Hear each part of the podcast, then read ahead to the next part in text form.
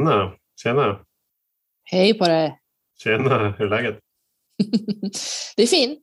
Ehm, glad att eh, se dig. Mm. Och eh, glad att det är just denna dagen.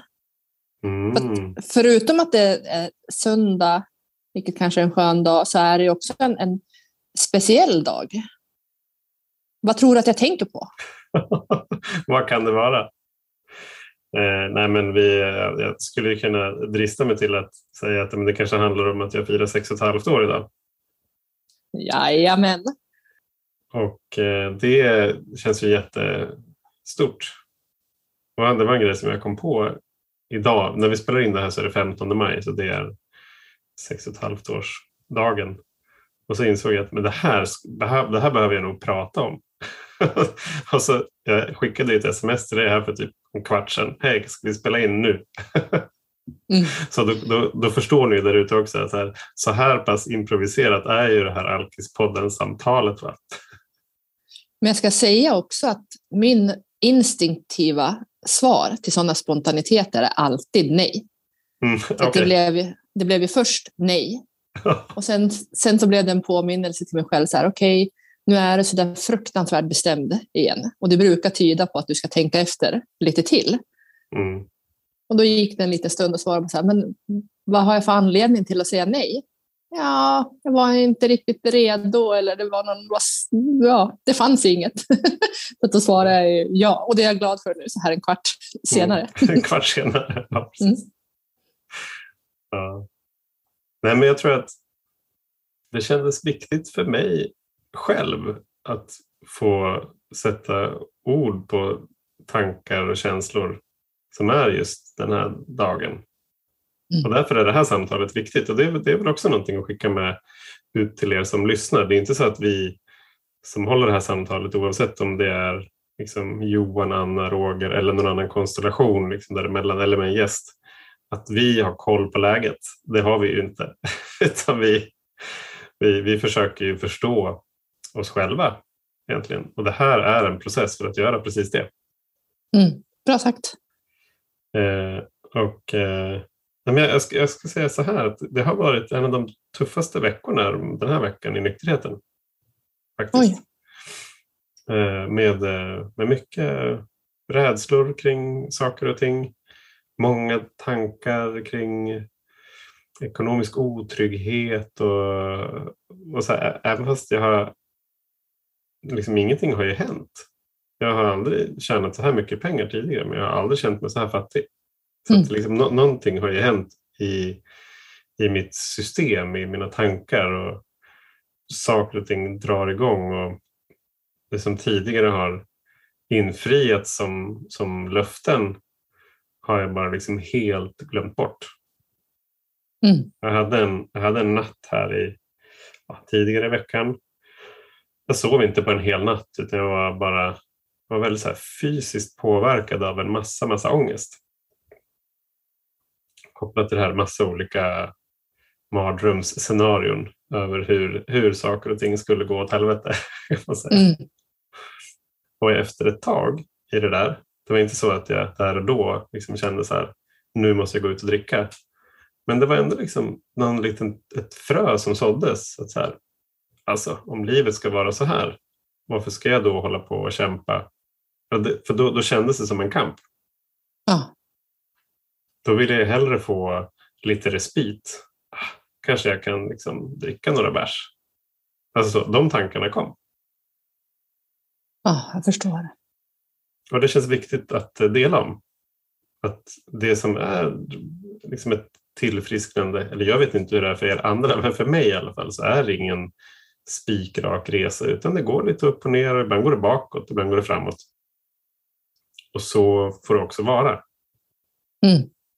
Att vi inte behöver ställa krav på vart vi ska ha var, var vi ska vara eller hur långt vi ska ha kommit eller sådär. Det är inte liksom beroende av tid egentligen. Enda skillnaden är ju någonstans mellan, mellan dig och mig det är att jag har haft längre tid på mig att skaffa erfarenheter av hur det är att, att vara i tillfrisknande. Men det behöver inte betyda alls att jag har gjort det eller att jag har lärt mig mer eller att jag kan. Alltså så här, det beror helt på hur jag möter min omvärld och vad jag lär mig av det. Eller hur? Det blir direkt massa, massa tankar här och, och frågor som jag vill mm. veta mer om. Men eh, det är väl jätteviktigt att, att prata om att det finns massa verktyg och, och vi har sätt att hantera eh, saker och det kanske går snabbare att ta oss upp från ställen av, av ångest eller, eller rädslor. Men vi hamnar ju fortfarande där och kommer att hamna där för resten av våra liv för att vi hela tiden testar nya grejer eller utsätts mm. för nya erfarenheter eller situationer som vi inte har varit i förut. Mm. Exakt. Och beroende vart vi befinner oss då så eh, ja, blir det mer eller mindre eh, bra eller vad man nu ska använda för, för ord. Och just nu så blev det, som det låter, då, den här eh, riktigt jäkliga ångesten. Mm. Ja, exakt. Precis som du är inne på, är så här, en, en skillnad också jämfört med hur det var när jag var aktiv. Det är ju att jag vet att jag har andra verktyg idag. Jag måste mm. bara påminna mig själv om att använda dem. Ja. Så det som jag kom på liksom dagen efter det där hemska, för jag, här, orkar inte ha en sån där natt till. där jag, där jag liksom inte sover utan bara ältar saker. Då tänkte jag så här, men vad fasen, det här kanske är en jättebra utmaning för mig. Att, att frigöra mig från den attachment som jag verkar ha kring pengar. Mm. Och vad är det som gör, vad är det för rädsla liksom där under som gör att det är en grej i mitt liv? Så nu blir jag ganska nyfiken på att så här, okay, ta reda på vad det är för någonting. Mm. Vilken fundamental skillnad från att ligga i, i ångest och katastroftänk till nyfikenhet. Ja, det var på ett 24, mindre än 24 timmar lät det som. Ja, men precis. Och jag har ju fortfarande ingen lösning på det, men jag är i alla fall liksom jag vet att processen i sig är lösningen. Jag vet inte hur det mm. kommer att bli men jag vet att en, en process tillsammans med sponsor, terapeut och så vidare, vänner i gemenskapen, det är, det är processen. Mm. Men, men precis, att det kanske inte är att du kommer komma fram till ja, men det här var anledningen till varför jag känner så här, eller det här har hänt tidigare, att man får svaret på varför du kände så, utan det kommer att vara en, en, process och det kommer att komma fram saker och det kanske helt enkelt bara försvinner för att det var ingen, mm. det var inget stort problem som skulle lösas. Nej, precis. Exakt. Exakt. Alltså de, de, lö, de lösningar inom citattecken då, som jag kom på där under den här ångestnatten, de, de kommer nog ganska ner på, långt ner på listan av, av, av rimliga lösningar liksom under processens gång skulle jag tro. Ja. Berätta mer om den här, för att du sa att det var inte bara den, den ångestnatten utan det var en, en, en senaste tiden eller veckan. Kan du säga liksom något som byggde upp inför den här natten eller vad, vad hände runt tror, omkring? Ja, precis. Nej, men jag, jag, tror en grej, alltså när det har varit så här stökigt och osäkert i omvärlden. Alltså när jag ser att oj, oj, nu det, alltså kriget och eh, så hur det påverkar ekonomin. Räntorna kommer sticka uppåt och det är liksom en, en osäker framtid. Mm. Tror jag, nu när jag pratar om det. Då vill jag kontrollera nuet ännu mer och jag vill mm. också kontrollera hur det kommer att bli i framtiden. Så, så, här, så jag tror att det är nog min kontroll, mitt kontrollbehov som kickar igång. Mm. Och det känns ju helt naturligt, alltså mänskligt att, att det blir så. Men att kunna titta på det då. Jaha, okej, det är därför. Det är ju förklarligt istället för att gå in i den här totala rädslan av att nu kommer det bara att bli dåligt och jag kommer mm. inte kunna hantera det. För det är den känslan som dyker upp hos mig, att jag inte tror att jag ska kunna hantera det som kommer min väg. Nej, precis. Exakt. Exakt. Att så här, det kommer inte bli bra. Nej. Men det, det, är så intressant det där för att du sätter ju fingret på det. För vad är det som gör, vad är det som triggar att jag kan gå från att ha tillit till att men det kommer att bli bra till att det kommer inte bli bra. Mm. Mm. nu, nu måste jag ta kontroll. För tidigare så har det varit kontroll är, är en illusion. Det kommer inte att hjälpa mig, det är inget verktyg. Utan det tar mig bara längre från de effekterna som jag nog egentligen vill ha. Som trygghet, sinnesro, kärlek. Men nu helt plötsligt så verkar det rimligt att, att använda kontroll. Men jag vet, och det här, det här tycker jag är en av de stora eh, eh, questen för mig också. Jag tog det senast på morgonmötet som jag var på i, i morse. Om man tänker sinnesro, bönen. Mm. Ge mig sinnesro att acceptera det jag inte kan förändra, mod att förändra det jag kan och förstånd att inse skillnaden. Så är ju mod att förändra det jag kan ofta det som sätter lite käppar i hjulet för mig. För mm. Det är där jag tänker bara så här, att det handlar inte om att jag försöker kontrollera någonting som jag inte kan kontrollera, utan det handlar om att gå till handling, att ta mm. action. Och då tappar jag lite kompassen där, har jag, har jag förstått. Mm. Att vad är då eh, min vilja, vad är styrt av, av rädsla, utan jag går liksom på någon, något driv och någon handlingskraft för att nu styra upp den här situationen och lösa det här problemet.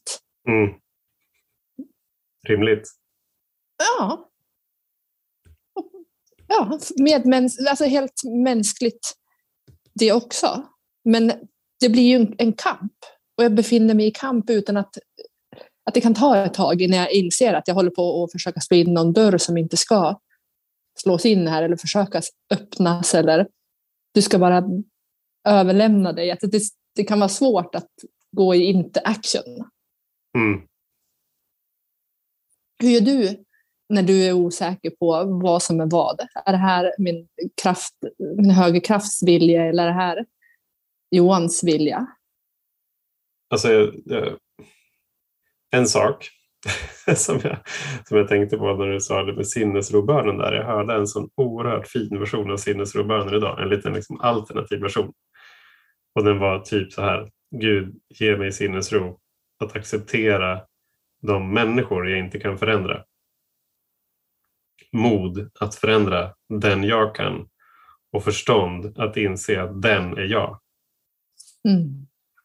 Åh, bra. Och, jag tror att den, och den inramar ganska mycket din fråga också. Alltså när jag är ute och försöker att styra upp och kontrollera att bara han eller hon skulle kunna göra si eller så. Eller förut så hade, eller fortfarande har jag väldigt mycket så här, bara liksom han eller hon tog ansvar för bla bla bla. Ja. Men vad händer när jag gör det? Då försöker jag ju ändå ändra på andra. Mm. Och så glömmer jag bort att så här, den enda jag kan ändra på det är mig själv. Mm. Så jag tror att, och det är liksom ett steg i alla fall, att då vara nyfiken på, öppen för så här, hur kan jag förändra mig i det här? Mm. Vad är det jag behöver göra? Eh, och när jag har det perspektivet, då är jag alltid närmare den här högre kraften. Mm. Jag är liksom inne på rätt väg i alla fall av lösningen. Det är inte så här, kära Gud, gör så att, så att de här personerna eh, tar ansvar. alltså, ja, precis. Utan hjälp mig att förstå det jag inte förstår just nu. Hjälp, ja. mig, att, hjälp mig med perspektiv, hjälp mig med styrka och mod att göra liksom, de förändringar jag behöver göra. Ja. Precis, bön kommer ju alltid, bön kommer alltid in ofrånkomligt och det är det som skapar eh, spacet, utrymmet för att det ska dyka upp någonting annat än lärdom eller insikt eller vad det nu är för någonting. Mm. Eller precis, att vi faktiskt har kraften att kunna eh, utföra Guds vilja med oss. Mm. Bra. påminnelse om, om att man faktiskt, man, jag kan stoppa in mer liksom, daglig småbön. Den kommer ju lätt till när det är ett stor, stort skav, liksom, eller ångest eller rädsla eller någonting. Men att den är ju faktiskt passande hela tiden. Mm. Ja, jag vet. Det, där, det har varit en, det, det, det kanske är någonting som jag ska lära mig i den här processen. Att faktiskt använda bön som ett kontinuerligt verktyg. Precis. Det, är, det, det är ett av de som jag har haft svårast för i, i tillfrisknande. Ah. Innan vi drar igång, att, ha som, som, att man får, får väl träna på det här först innan det kommer in till rutiner som andra som vi har liksom fått, mm. eh, som är inkorporerade i oss. innan jag drar igång någon tankeverksamhet, innan jag drar igång någon ny task som jag ska göra eller vad det än är, så be först. Mm. Ja, precis. Och jag vet att alltså, de, de stunderna och de perioderna, det låter som att det bara är korta stunder, men de perioderna av min nykterhet där jag har mått som absolut allra bäst, det är när jag har eh, bett både morgon och kväll. Mm. Och det har varit så här, eh, när, när jag vaknar, det står i stora boken, när jag vaknar så när jag tänk, tänker på de här 24 timmarna som kommer och innan jag gör det så ber Gud avlägsna liksom min, mina själviska tankar. Mm. Om det. Min, min egen vilja och liksom min, min självcentrering. Mm. Så jag ber om det och sen så kan jag börja fundera på dagen. Mm. Så, så här, någonting i stil med så här, när mina tankar är befriade, befriade från det här så kan jag använda liksom min hjärnkapacitet. För då gör jag det i en kärleksfull riktning. Ja. Och det ger ju sjukt stor effekt men, men av någon anledning då at some point så känner jag så här, jag har inte tid riktigt med det här. så här. Jag bara, okay. Så jag, har, jag... Nej, jag, jag, kommer inte ta de här sju minuterna på morgonen eh, för att se till att liksom varje dag blir superbra. Nej, jag har inte tid med det. Jag, jag, måste, jag måste göra något annat, mycket viktigare.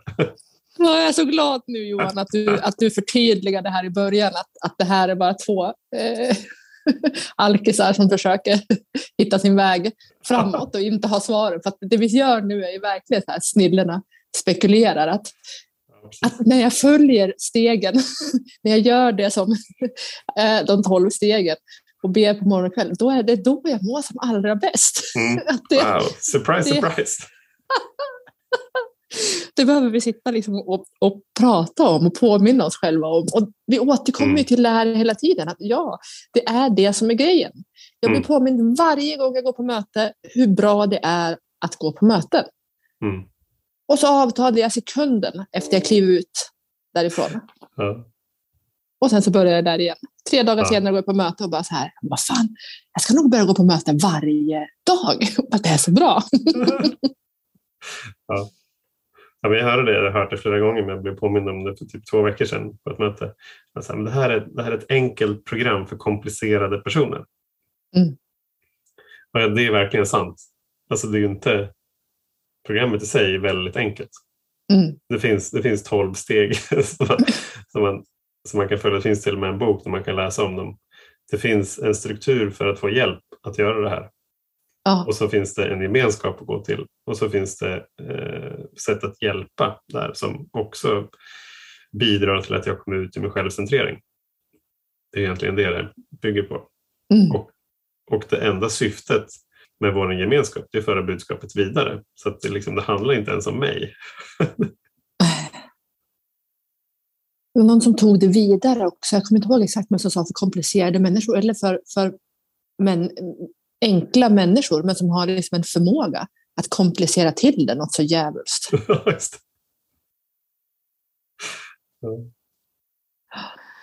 mm. Berätta mer då Johan, sex och ett halvt årsdagen.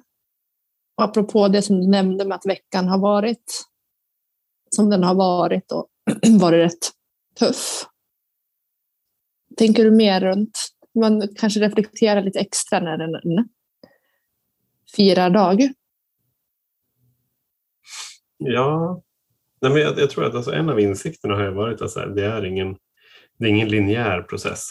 Nej. Men att komma till det är klart att liksom, över tid så ackumulerar vi en massa verktyg och sådär. Så måste vi påminna oss själva om att just det, det, det är de vi ska använda. Och så här. Så det känns som att liksom min, min botten liksom höjs hela mm, tiden. Mm, mm. Så jag insåg idag, jag var på ett möte idag, så insåg jag att jag har liksom på något vis av någon anledning ökat min tröskel för vilken nivå av lidande som är liksom okej okay för mig. Mm, berätta. Säga, nej, men det vill säga, alltså här, när jag kan backa tillbaka bandet då. När jag var aktiv så hade jag en viss nivå av lidande som var acceptabel, som jag ändå kände att det här är okej, okay, jag kan fortsätta dricka. Mm. Trots att jag får de här konsekvenserna. Men så kommer jag till en punkt där nivån av lidande liksom överstiger rädslan för att göra en förändring. Mm. Och det, det tänker jag är liksom botten. Mm. Och nu i tillfrisknandet så har jag också någon form av liksom, nivå där jag, jag, accepterar den här nivån av lidande. Sen mm. gör jag en förändring. Och det visar sig att den nivån tycker jag är lite för hög. För att varför ska jag liksom lida så här mycket? Mm.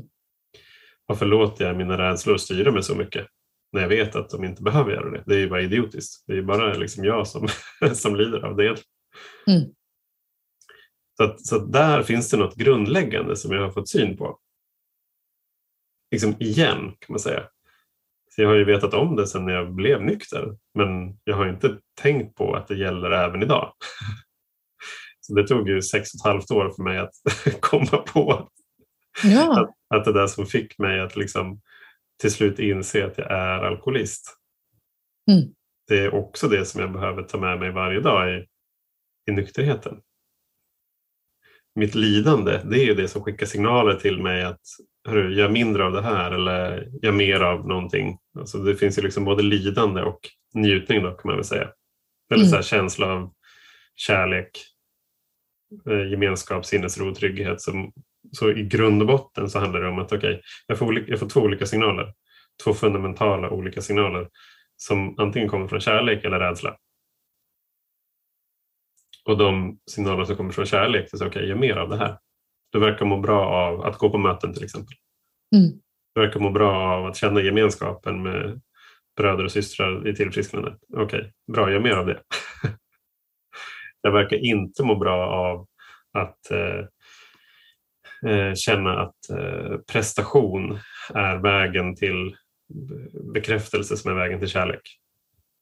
Det är liksom fel för mig. Mm. Ändå gör jag det. Mm. För jag någonstans tänker att jag måste eller det är bara så det är. Eller, ja, sådär. Men jag har det ju inom min makt egentligen hela tiden. När jag får förståndet då att inse att det bara är jag själv som jag kan förändra. Mm. Att göra någonting åt det. Precis. Och då den, den nivån av lidande menar du, tills den här gränsen liksom är nådd, mm. den, den sänks hela tiden. Eller att du snabbare förstår, gör kopplingen. Okej, okay, det här liksom, lidandet nu, det, det, kan jag själv påverka. Det här inte, behöver inte vara på det här sättet. Och så går det till action, eh, förändring fortare. Ja, precis. Och jag menar, helst av allt så vill jag gå till förändring ännu fortare. Mm. Men jag vill ju inte vara vaken en hel natt och bara ha massa ångest och lida. Nej, nej. Precis. Så det ska jag göra mindre av. Ja.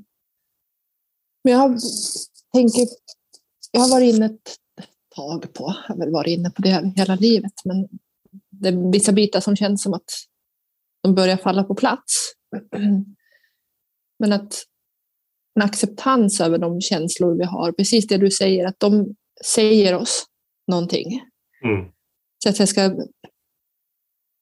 öppna upp för att lyssna på vad de säger för någonting, inte försöka döva dem. Och det är ofta så jag har blivit lärd det, eller samhället, eller jag har tänkt så att när det gör ont eller när jag känner eh, sorg eller rädsla så ska det liksom bort så fort som mm. möjligt. För det är ju en obekväm eh, känsla. Och då har ju min primära eh, sätt att döva det varit att, att dricka alkohol.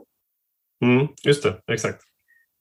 Eh, och sen så efter jag slutade dricka alkohol så har det försökt att hanterats på olika sätt. Men om man kan vända det till precis det du är inne på, att se det här. Jag känner mig rädd nu, jag känner mig orolig, jag känner mig vad det nu är för någonting. Okej, vad beror det på? Vad kan, jag, vad kan jag göra? Vad behöver jag göra för förändring? För skulle jag inte känna rädsla, eller då skulle jag ju inte komma, alltså då skulle jag inte utsätta mig för något nytt heller. Då skulle jag ju sitta isolerad någonstans och, och eh, stå helt stilla. Och mm. att stå helt stilla är ju, för det första så går ju inte det eftersom eh, vi konstant är i rörelse, hela eh, universum. Mm. Så skulle vi ha hittat någon, ja, någon fysiker som har fått till det. Då.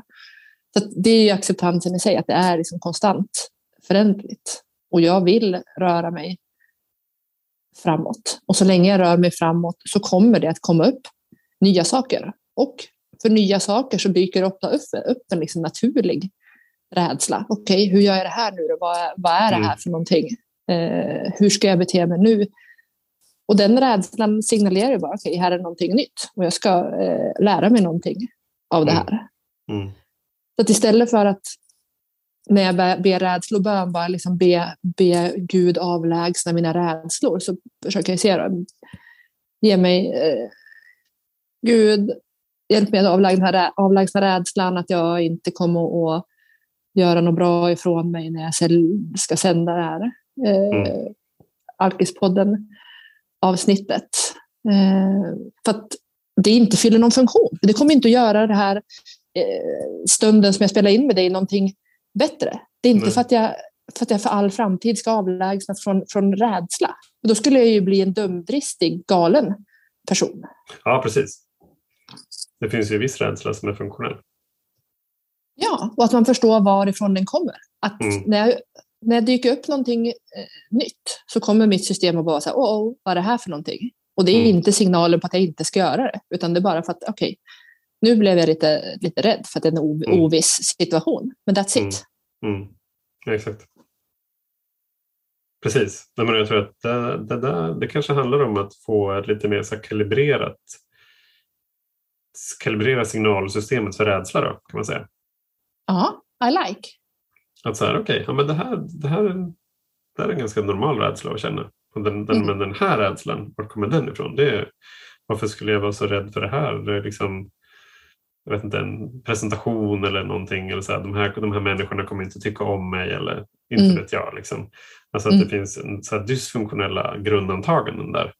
Mm, som precis. jag behöver få koll på. Men det är inte förrän jag får koll på dem, eller så identifiera dem och kolla på dem och säga Jaha, vill jag ha kvar dem här eller inte? Mm. Nej, men och, då, och då kommer kanske den, den, kanske alltid, om man hör kändisar prata om det som stått på scenen hundratusen gånger, att rädslan kanske alltid försöker. Precis som att, att mm. beroendesjukdomen kommer alltid, egot kommer alltid att försöka titta fram på, på något sätt. Men att ju mm. mer vältränad man blir, lång, lång tid i programmet, mer att man använder sig av verktygen, hela andliga spänsten gör att okej, okay, här kom den rädslan. Tack, mm. tack, men jag be behöver inte dig. Nej, eh, tack för visat intresse. ja, precis. Eller så här inom ACT, eh,